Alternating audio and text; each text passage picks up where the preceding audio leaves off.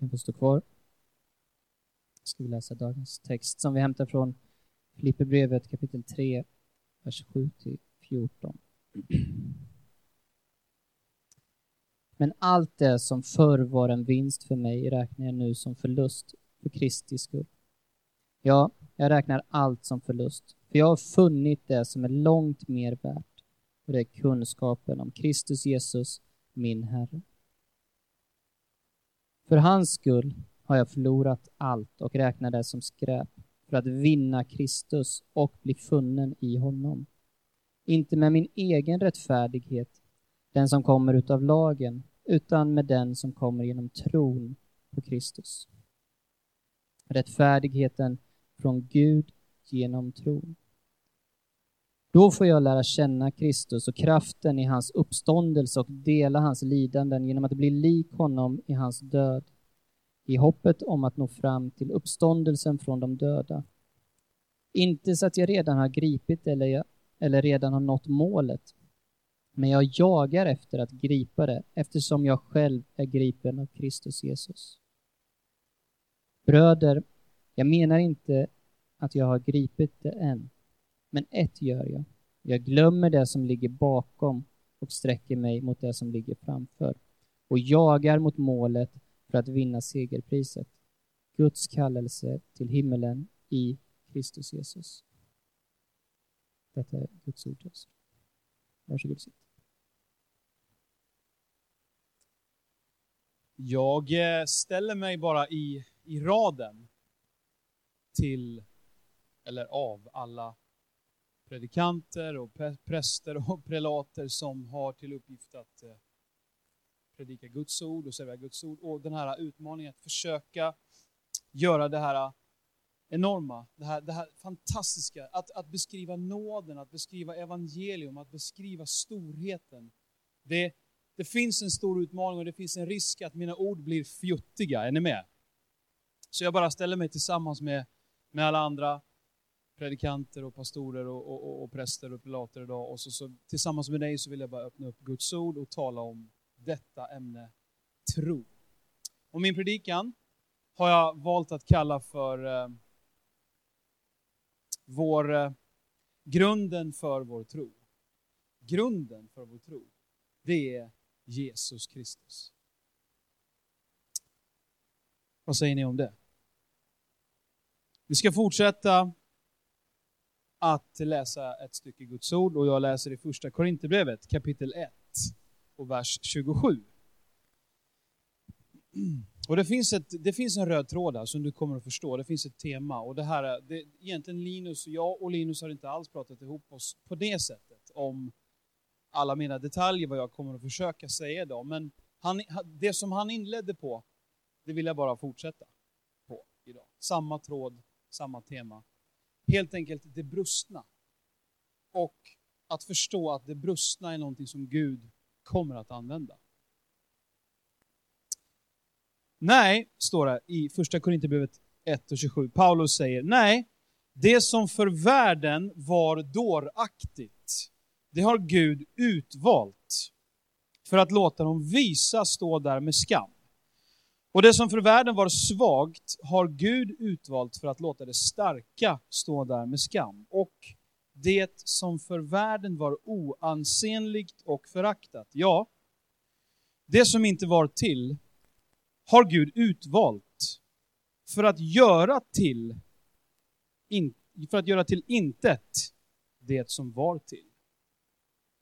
För att ingen människa ska berömma sig inför Gud. Honom har ni att tacka för att ni är i Kristus Jesus som Gud för oss har gjort till vishet, rättfärdighet, helgelse och återlösning för att det ska ske som står skrivet den som berömmer sig skall berömma sig av Herren.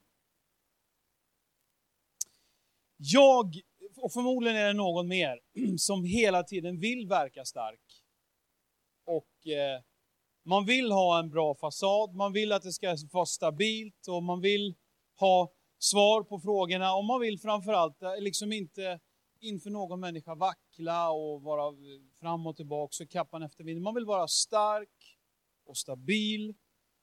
Och som liksom dig förmodligen så vill jag att det ska se bra ut i mitt liv. Jag vill att familjen, jobbet, liksom allt det här som vi står i ska se bra ut. Är jag med i samma klubb? Och det händer ju, eh, inte dig, men det händer mig att jag jämför mig med folk. Att jag tittar på,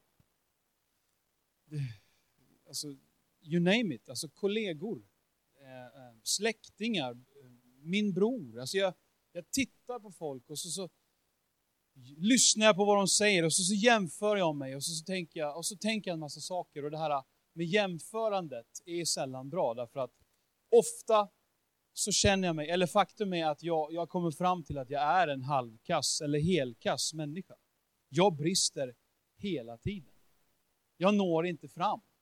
Och, och, och, och så, så kommer det här jämförandet då som gärna lägger lite lök på laxen och det blir bara värre och värre om man tycker att allting bara predikar hur dålig jag är. Och Kanske att man tänker att det, det, borde inte vara så i kyrkans led, inom kyrkans väggar, men det är väldigt mycket så inom kyrkans väggar. Det är väldigt mycket så i, liksom på arbetsplatsen, det är väldigt mycket så i, på släktfesterna och väldigt mycket så egentligen i alla sammanhang där man befinner sig. Att man, man tittar på varandra, man jämför, så man tänker att wow, Viktor är så sharp, alltså, och jag är så osharp.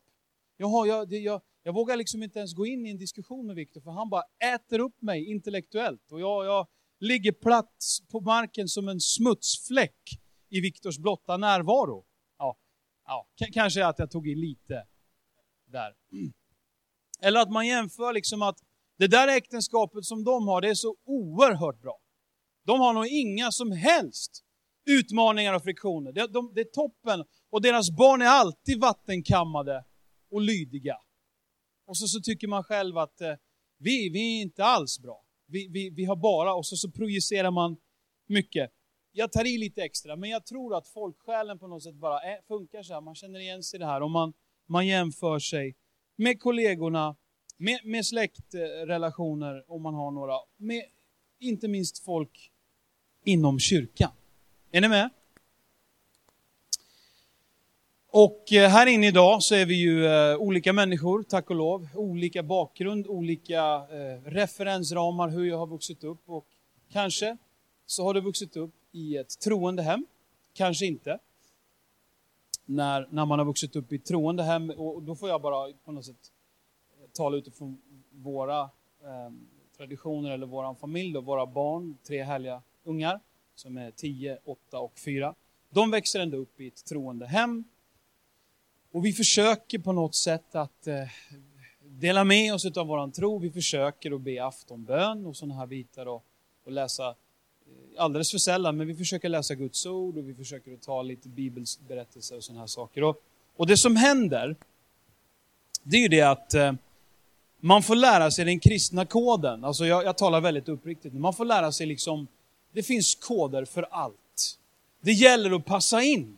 Det gäller att veta språket. När jag kommer ny till arbetsplatsen, det, jag bara, min, min, min, liksom mina antenner och mina frekvenser bara skickar ut för högvarv. Jag måste passa in. Jag behöver lära mig språket, jag behöver lära mig kulturen. Jag vill inte sticka ut, jag vill inte framstå som korkad eller som liksom något efter. Utan jag vill hela tiden vara i framkant, jag vill vara i gänget, jag vill kunna snacket och så här. Och, och det som vi då gör, vare sig vi vill eller inte, så på något sätt så så inskolar vi våra barn i den kristna koden att kunna liksom på något sätt föra sig inom kyrkans väggar och hur man pratar och sådana här saker. Och det, det, är samma för allt. Alltså det är samma om man växer upp i en gängmentalitet i Fittja eller i Alby, så gäller det att kunna koden. Är ni med? Växer man upp, eh, eller ska jag liksom höra hemma i VIP-rummet på Stureplan? Eh, jag kan inga bra ställen där, jag har inte varit där, så jag bor i Märsta, så jag jag är inte välkommen där, men då gäller det att kunna koden. Så är det allt i alla sammanhang, tyvärr. Och det här liksom, den här koden försöker man att knäcka hela tiden, att man, man passar in. Och, och vad, vad, vad, vart leder det här då? Jo, jag kan börja prata nu om styrkor och svagheter. För vi människor, vi tänker ju, vi, vi har, vårt sätt att tänka är att det här är styrkor och det här är svagheter. Vi kan prata om eh, akademiska poäng, alltså hur jag har studerat mig till en utbildning och en eh, examen och helt enkelt har ett visst antal poäng i mitt liv som gör att, och det, det skulle man kunna tänka, det är en styrka. Eller min, eh, min stamtavla, min släkt som alltid har varit entreprenörer och de har alltid tänkt på det här sättet och vi är otroligt lösningsorienterade och vi är grymma på att få saker gjort och så, så liksom börjar man tänka det här är en styrka. Jobb och, och karriär och, och, och, och, och, pengar och liksom bo på rätt gata i rätt sida stan. Och det här är kanske bara väldigt enkelt förklarat, det som vi människor gärna kategoriserar som styrkor. Man ska ha en utbildning att falla tillbaks på. Men faktum är att, och det är ingen rocket science, det, det förstår du, lite förutsägbart, men det är inte så Gud tänker. Vad som är styrkor och svagheter. Att ehm, förlita sig på sina mänskliga medaljer, är ni med? Att förlita sig på att jag kan den sociala koden, att jag har mina akademiska poäng, att jag har den här inkomsten, den här äh, säkerheten för att upprepa Guds ord. Det finns inget som jag kan berömma mig av inför Gud. Det finns ingenting. Hur duktig kristen jag än är, hur mycket jag än har indoktrinerat och skolat in mina barn att vara en duktig kristen, så finns det ingenting i det som de kan berömmas av inför Gud. Att säga rätt saker, att inte liksom, ni vet, visa kaoset på insidan. Det gäller att vara stabil. Det gäller att hålla fasaden snygg. Det gäller att vara ett föredöme. Det gäller liksom att bara stå upprätt nu och bara vara stark nu. Och det där har tyvärr, det finns inget jag kan berömma mig av inför Gud. Det är helt andra saker. Det som vi, eh, det som vi tror är våran styrka, det blir vårt fall. Det blir vår undergång.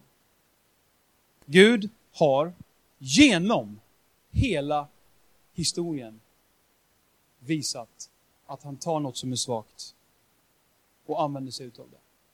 Precis hela tiden så ser vi att han tar någonting svagt någonting obetydligt och han gör någonting stort. Han, han använder det som ingenting är och gör det till en pelare som bär upp byggnaden. Han började redan i skapelsen, jag pratade om Gud. Är ni med? Han eh, tog ingenting och gjorde liksom eh, hela, hela rasket. Hela Tellus, hela systemet. Han tog ingenting och började skapa. Vi kan läsa om människans på något sätt ursprung. Han, han vill forma sig ett folk, Gud, som han ska kalla sitt eget folk. Och till vem går han? Han går till Abraham och han går till Sara och det har vi pratat om mycket. Men vad är de då? Är de fullkomliga? Nej, inte ett dugg. För det första så är de typ 90 och 100 år gamla. Saras moderliv är dött. Han tar någonting som ingenting är och gör någonting utav det. Han eh, när han ska befria sitt folk ut ur slaveriet i Egypten som var under många hundra år. När han bestämmer sig för att jag ska befria folket så går han till en kille som har både mord och våld på sitt samvete, som har en trög tunga, som inte har lust att göra någonting, som bara sätter sig på tvären och inte vill jobba för Gud. Hans namn är Mose. Han tar någonting som ingenting är och gör någonting utav det. När Gud ska välja ut sin nästa kung efter Saul, Saul var den första kungen, och så skulle kung nummer två komma och den kungen den kungen, han dök inte, han fick inte, han var inte ens inbjuden till audition. Det var David som inte ens var inräknad bland sina bröder utav sin far då, som skulle, David, eller vad heter han, Isai, som skulle på något sätt bara ta fram sina bröder, men David var inte ens där, han var ute och vaktade får. Där tog han någonting som ingenting var och gjorde någonting väldigt stort. Do you get the picture? Ska jag fortsätta lite till? Det var inte slut på exempel, nej. När han ska sända sin son, Jesus Kristus. Så så var det inte på något sätt likt Estelle Bernadotte. Som under liksom paparazzi-fotografernas blixtar föddes. Under alla löpsedlar.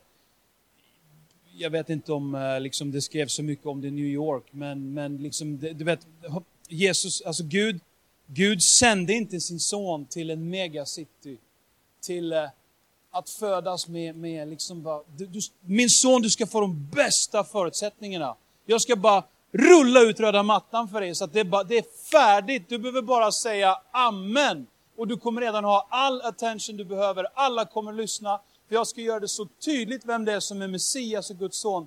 Icke sa Nicke, precis tvärtom. Så föddes han som en oäkting.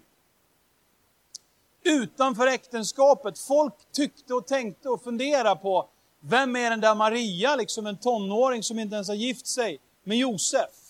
Och eh, han föds som flykting. Därför att Herodes hade fått för sig att ha ihjäl alla gossebarn, så han föds på flykt i ett stall i en metropol som heter Betlehem. Det var precis noll förutsättningar. Men han tar någonting, det som ingenting är, för att göra någonting utav det.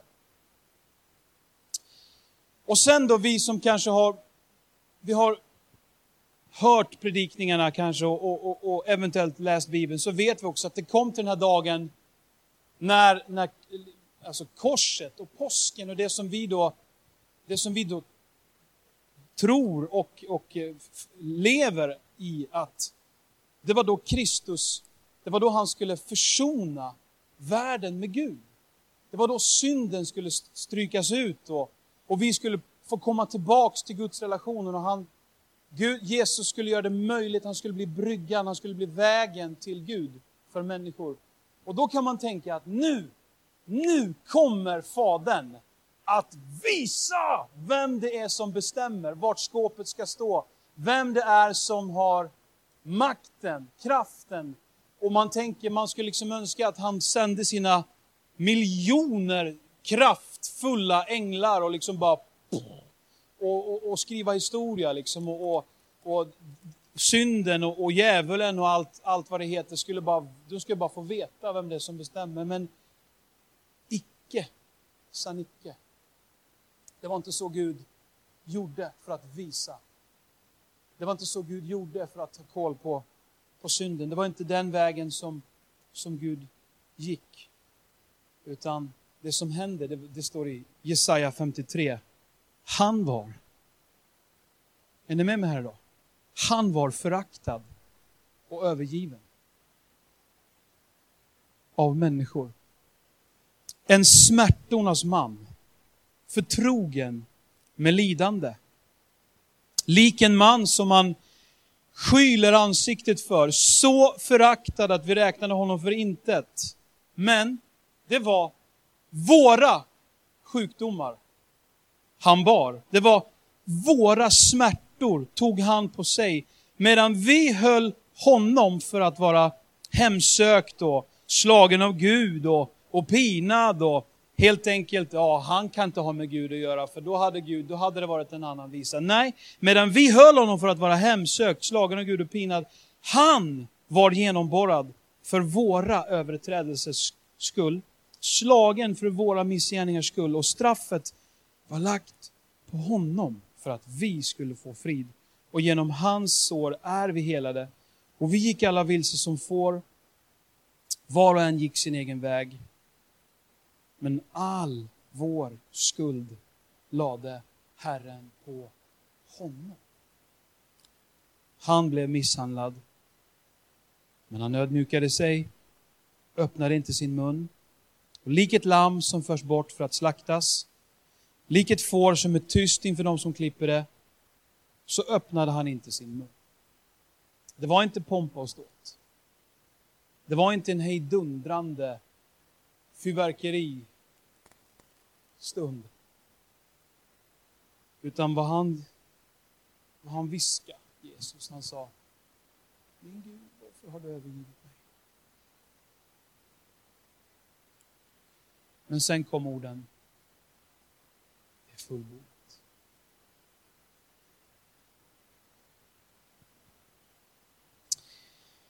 Min eh, förkunnelse, min predikan handlar faktiskt om grunden för vår tro. Jesus Kristus. Några sträva bibelord. Är du med? Fast de är väldigt bra. Johannes 3.30. Han måste bli större och jag måste bli mindre.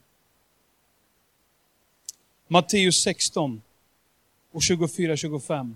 Jesus sa till sina lärjungar, om någon vill följa mig så ska han förneka sig själv. Ta sitt kors, ta, ta sitt kors på sig och följa mig. Och den som vill bevara sitt liv ska mista det, men den som mister sitt liv för min skull, han ska vinna det. Johannes 12 och 24. Amen, amen säger jag er, om vetekornet inte faller ner i jorden och dör, så förblir det ett ensamt korn. Men om det dör så bär det rik frukt och den som älskar sitt liv förlorar det och den som hatar sitt liv i den här världen. Det, det finns en utläggning där, du behöver inte tänka att du ska hata ditt liv.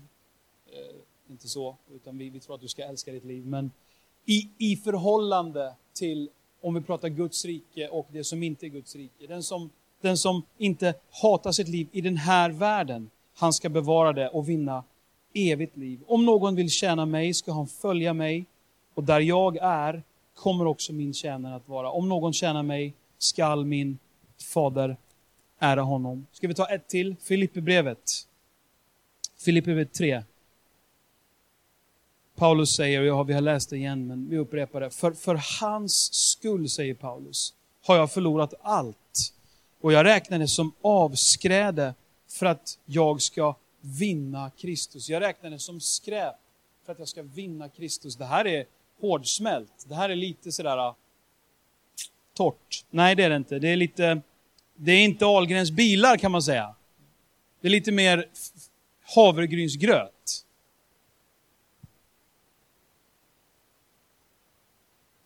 För han skulle ha förlorat allt och räknade som, som skräp för att jag ska vinna Kristus. Och jag älskar de här orden. Hur, hur ska jag förklara det? Hur ska jag förklara orden och bli funnen i honom? Med andra ord, vad är det som fångar mig? Vad är det som fångar min uppmärksamhet? Det finns massor med saker som vill fånga min uppmärksamhet. Det är huslån. Och det är jobb och det är karriär och så vidare. Och det, är, det kan vara familj och det kan vara kärlek och det kan vara bekräftelsebehov och det kan vara diverse liksom Ehm, missbruk. Det finns mängder med saker som vill fånga mig och fånga mig. Men Paulus säger att jag vill bli funnen, jag vill bli fångad i Kristus. Jag vill bli funnen i Kristus. Och där hittar jag min fullständiga tillfredsställelse.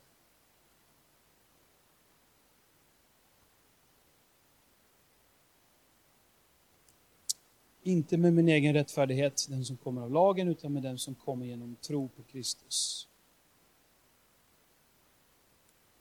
Rättfärdigheten från Gud genom tron. Hörrni, jag tror inte att, att jag kan göra jättemycket. Jag kan kanske inte ens göra någonting för att liksom ändra Guds humör. Gud är Gud, han är på tronen. Ja, men, men ibland så tror vi det att vi, vi liksom kan förändra Gud på något sätt. Och så, så, om jag bara fastar lite till, eller om jag bara läser Guds ord, om jag, om jag ber. Faktum är att allt det där är hur bra som helst. Jag, jag, jag tycker att vi ska fasta, vi ska ha disciplin, allt detta. Men låt oss vara överens om en sak. Det förändrar inte Gud, det förändrar mig. Ju mera jag ber, desto mer förändrad blir jag. Förvandlad blir jag. Gud blir inte förvandlad. Jag blir förvandlad. Desto mera jag läser den heliga skriften, Gud blir inte förvandlad, jag blir förvandlad. Jag kan inte fjäska liksom för att övertyga honom. Han kommer aldrig att bli imponerad av mina meriter, alla saker som jag har gjort och, och han blir inte förändrad. Men min bild av Gud blir större när jag blir mindre. Det spelar inte så stor roll, och jag närmar mig min avslutning nu. Det spelar inte så jättestor roll faktiskt, hörni, vilken stamtavla vi har. vilken stamtavla jag har, om det är vad det är för färg på blodet, höll jag på att säga, som, som flyter i mina vener. Det, det, spelar inte så jättestor roll vad, vad jag har för meritlista. Det spelar inte så jättestor roll hur många människor jag har hjälpt över gatan, även om jag tycker att vi ska göra det och vi ska göra det mycket och vi ska räcka ut en hand att hjälpa människor. Och spelar faktiskt inte så stor roll hur många dagar jag har fastat och så vidare. Och så vidare. Eh, utan det, allting kokar ner till, eh, till ändå till att eh, Gud, han är oföränderlig, han är god och han vill oavsett om jag har fastat mycket eller lite, oavsett om jag har en superbra släkt eller inte, oavsett om jag kommer ifrån ett gräl med frugan och jag har ångest för att jag är bakfull och varit för mycket igår, eller om jag kommer från ett jättehärligt bönemöte och vi verkligen upplevde Guds närvaro. Alldeles oavsett så är Gud god och han vill förlåta mig mina synder här och nu. Allting kokar ner till att Gud är god och hans son Jesus Kristus har betalat ett pris. Lyssna, några sista bibelord. Romarbrevet 4. Om Abraham förklarades rättfärdig på grund av gärningar, då har han något att berömma sig av. Men inte inför Gud. Du vet, vad menar Paulus när han, när han säger så här, jag, jag räknar det som, som skräp, eller liksom jag, jag lägger bort det för att vinna någonting annat, för att bli funnen i Kristus. Och jag vet inte hur du tänker, men om jag bara tänker högt med dig så här, vad, är, vad skulle vi kunna se som, som styrkor eller som liksom egen vinnings skull? Jag menar, vi har ju hört kanske stories, vi kanske har hört människor som kliver upp här på, på någon slags eh, talarstol eller och så, så berättar man, det här, det här skulle kunna vara en sida. Så hör ni en människa som säger så här. Jag kom ifrån knarkträsket. Åh Gud, han har befriat mig. Och så, så har man värsta storyn, är ni med? Om hur otroligt alla slagsmål, alla gängfighter och allt knark som jag har skjutit i mig och, och så, så bara BAM! Så kom Gud och det blev fullständigt en förvandling. Och, men grejen är den att man har en vinning i det hela för att man framstår som mitt vittnesbörd är intressant och så, så berättar man det om och om igen och så, så uppstår det någonting som blir en styrka för mig. Jag, jag kan också höra kanske andra typer av vittnesbörd när, när vi pratar om någon som, äh, de där människorna, alltså de, de, de, de är så heliga så att de, det blir inte ens fotspår i snön när de går, för de, de är fullständigt syndfria. De, är, de tänker inte ens en ord. Och så, så pratar man liksom i beundran om, och de har gått fyra bibelskolor och, och nu och allt de rör vid blir liksom bara, det blir bara guld och, och, och ädla stenar. Det går så himla... Gud bara, alltså det där är favoriter för Gud alltså.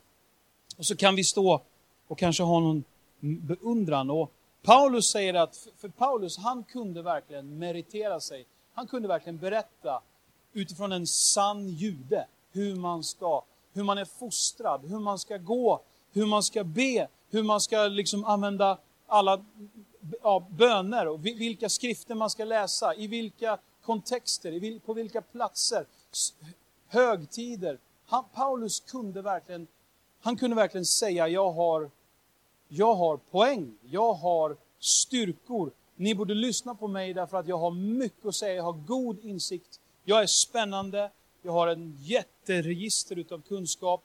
Men han säger, jag lägger bort allt, jag ser det som skräp. För att jag vill bli funnen i Kristus och inget annat. Jag vill inte ha människors beundran. Jag vill inte framstå som en, eh, någonting annat än att jag är funnen i Kristus. Jag, jag, faller in i det hela tiden, att man vill framstå, man vill vara någon. Man, man vill vara en spännande kille, man vill vara lite si, lite så. Och det är säkert helt okej. Okay. Men eh, till syvende och sist, i slutändan så, jag vill. Jag vill bli funnen i Kristus och inte i något annat. Um, första Korinthierbrevet 1 och 29. 30-31. Ingen människa ska berömma sig inför Gud. Honom har ni att tacka för att ni är i Kristus, Jesus. Som Gud för oss har gjort till vishet, rättfärdighet, helgelse och återlösning. För att det ska ske som står skrivet, att den som berömmer sig skall berömma sig av Herren. Eh, Efesierbrevet, eh, andra Korinthierbrevet 10. Den som berömmer sig ska berömma sig av Herren. Och det är inte den som rekommenderar sig själv som består provet, utan den som Herren rekommenderar. Sista bibelordet, i Fesebrevet, Ty av nåden är ni frälsta genom tron, inte av er själva. Guds gåva är det, inte på grund av gärningar för att helt enkelt ingen ska kunna berömma sig. Hans verk är vi, skapade i Kristus Jesus till goda gärningar som Gud har förberett så att vi ska vandra i dem. Grunden för vår tro, Jesus Kristus. Vi har talat om eh, tro som eh, förändrar världen. Vi har, talat, vi har utgått, om jag har räknat rätt så är det här eh, nummer fem i serien. Och den är inte slut idag, utan det kommer att fortsätta även nästa söndag. Idag så, det som jag omedelbart kände, jag ville bara tala om grunden för vår tro. Jesus Kristus. Och min, mina slutord. Um, att, um, att leva i nuet. Jag vill bara tala till dig nu och, och bara en minut till. Att leva i nuet. Du är här och nu. Det är lätt att vi blandar in det som hände förr. Att vi blir plågade över mina, gårdagens misslyckanden. Jag har ett kraschat liksom, både förhållande och, och, och familjer och jag, jag är bara så dålig. Jag tittar liksom för mycket i backspegeln. Det finns hela tiden någonting som förföljer mig. Utmaningen och det svåra, men också det underbara. Att kunna leva här och nu. Du och jag, oavsett våran stamtavla, oavsett våra gärningar, oavsett om jag kommer från ett härligt bönemöte eller ett kraschat eh, familjegräl, så är jag och du syndare i behov av Guds nåd och frälsning. Det är det som är det underbara, att här och nu så kan vi bara börja om. Ta emot Guds nåd. Ta emot Guds förlåtelse. Guds frälsning. Leva i nuet. Helt enkelt, som Paulus säger, sträcka oss framåt. Jaga mot målet för att vinna segerpriset. Guds kallelse till himlen i Jesus Kristus. Här är vi nu. Låt oss sträcka oss framåt emot allt det som Gud har för